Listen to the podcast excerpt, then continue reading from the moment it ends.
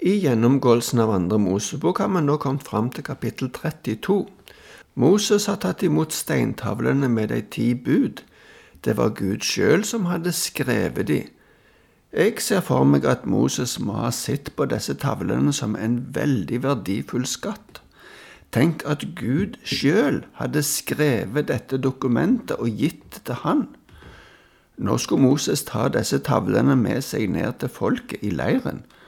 Men før vi ser på det, så skal vi se hvordan det hadde gått med folket i leiren mens Moses var borte. Vi skal lese de første seks versene i kapittel 32. Da folket så at Moses drøyde med å komme ned fra fjellet, samlet de seg om Aron og sa til ham, Kom og lag en gud til oss som kan gå foran oss. For vi vet ikke hva som har skjedd med denne Moses, mannen som førte oss opp fra Egypt. Aron sa til dem, Ta gullringene av ørene på konene, sønnene og døtrene deres, og kom med dem til meg.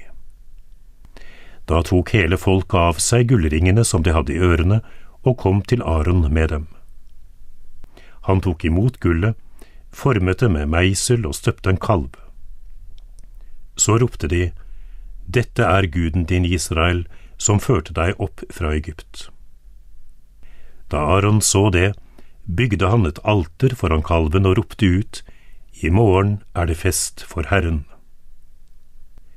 Dagen etter sto folket tidlig opp og ofret brennoffer og bar fram fredsoffer. De satte seg ned for å spise og drikke, og så begynte de å more seg. Folket syntes at Moses hadde blitt lenge borte.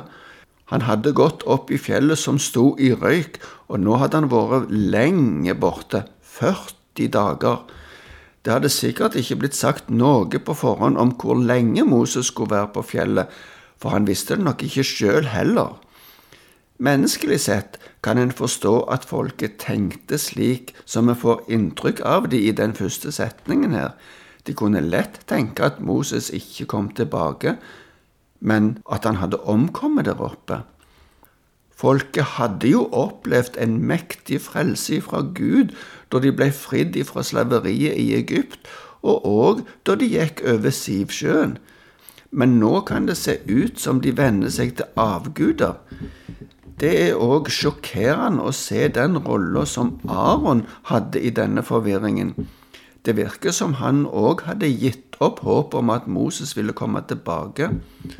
Moses var borte i 40 dager som jeg nevnte, men de må ha blitt utålmodige lenge før, for det vil jo ta litt tid å lage denne kalven som er beskrevet. Folket spurte ikke om hvordan de skulle komme i kontakt med Gud som hadde frelst dem nå når Moses ikke var hos dem, men de ville ha en annen Gud. Når de henviser til Moses, blir det sagt 'denne Moses' på en aggressiv og nedverdigende måte. Det kan se ut som hele samfunnet vendte seg imot det som Moses sto for. Aron organiserte en innsamling av gullringer som ble brukt til å lage en kalv. Det var vanlig både i Egypt og Kanan å ha gudebilder av kalver eller okser. Balguden i Kanan ble ofte framstilt som en okse eller en kalv. Etter at Aron var ferdig med å støype gullkalven, sa han til folket, Dette er guden din, og så legger han til at det er denne guden som har ført Israel opp ifra Egypt. Aron hadde nå bidratt til at de hadde begynt å tilbe en annen gud, og dermed brutt det første budet. De hadde òg lagt en avbildning av en annen gud. De hadde misbrukt Guds navn da de beskrev denne guden som Israels gud. De skulle lage en fest for Herren, sa Aron, men festen var for denne avguden som de hadde fått laga. I forbindelsen med festen ble det ofra både brennoffer og fredsoffer, og folket satte seg ned for å spise det kjøttet som hadde blitt ofra til denne nye guden deres. Etterpå står det at de sto opp for å more seg. Norsk bibel oversetter det med at de sto opp for å leke. Mye tyder på at dette uttrykket innebar seksuelle utskeielser som var vanlig i hedenske former for avgudsdyrkelse. men det var forbudt hos Israel. Moses var fremdeles på fjellet og visste ingenting om dette, men Gud så det, og nå i fortsettelsen skal vi se det som skjer på fjellet mellom Gud og Moses, når Gud ser det som skjer i leiren. Vi leser ifra vers 7 til 14. Da sa Herren til Moses, Skynd deg ned, for folket ditt som du førte opp fra Egypt, har gjort noe forferdelig. De har allerede bøyd av fra den veien jeg påla dem å følge. De har laget seg en støpt kalv, kastet seg ned for den, ofret til den og sagt, Dette er guden din Israel, som førte deg opp fra Egypt. Og Herren fortsatte, Jeg har holdt øye med dette folket, og se, det er et stivnakket folk. Bland deg nå ikke inn, for min vrede skal flamme opp mot dem og fortære dem men deg vil jeg gjøre til et stort folk. Da ba Moses om velvilje for Herren sin Guds ansikt. Han sa, Herre, hvorfor skal din vrede flamme opp mot folket ditt, som du har ført ut av Egypt med stor kraft og sterk hånd? Hvorfor skal egypterne kunne si, det var med onde hensikter han førte dem ut, for å drepe dem i fjellene og utrydde dem fra jorden?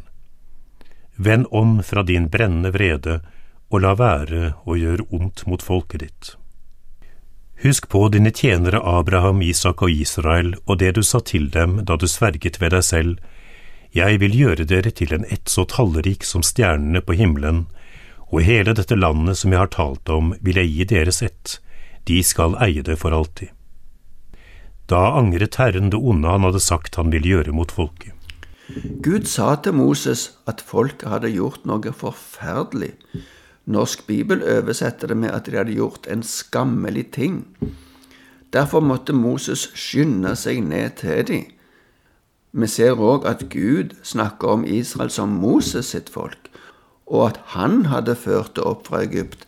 Men vi har jo tidligere sett at Gud vedkjenner seg folket som sitt folk, og at det er Gud som har ført dem ut ifra Egypt allerede så kort tid etter at de hadde hatt en mektig opplevelse av at Gud var hos dem og talte til dem, så hadde de altså gjort dette.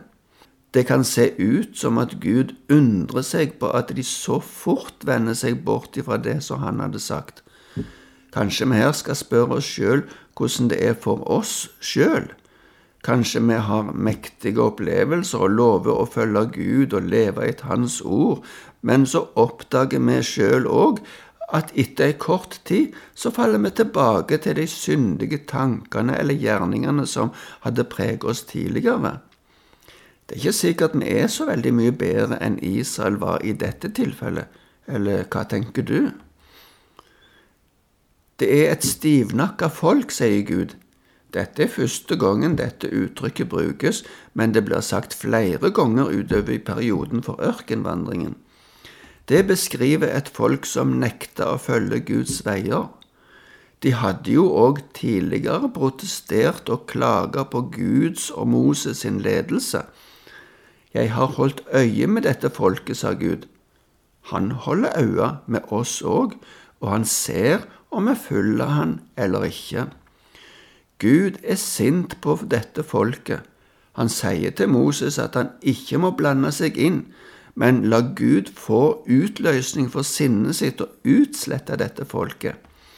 I stedet gir han Moses et tilbud om å bli stamfar for et nytt folk. Men nå ser vi i fortsettelsen hvordan Moses går i forbønn for folket. Dette er et eksempel på hvordan òg Jesus er vår talsmann, som sjøl om vi synder, ber for oss og sørger for at vi skal få nåde hos Gud. Moses ba om velvilje for Herren sin Guds ansikt, leste vi. I Salme 106 vers 23 kan vi lese om dette. Der står det han sa at han ville utrydde dem, men Moses, hans utvalgte, la seg imellom og stagget hans ødeleggende harme. I norsk bibel er det oversatt med at Moses stilte seg i gapet for hans åsyn.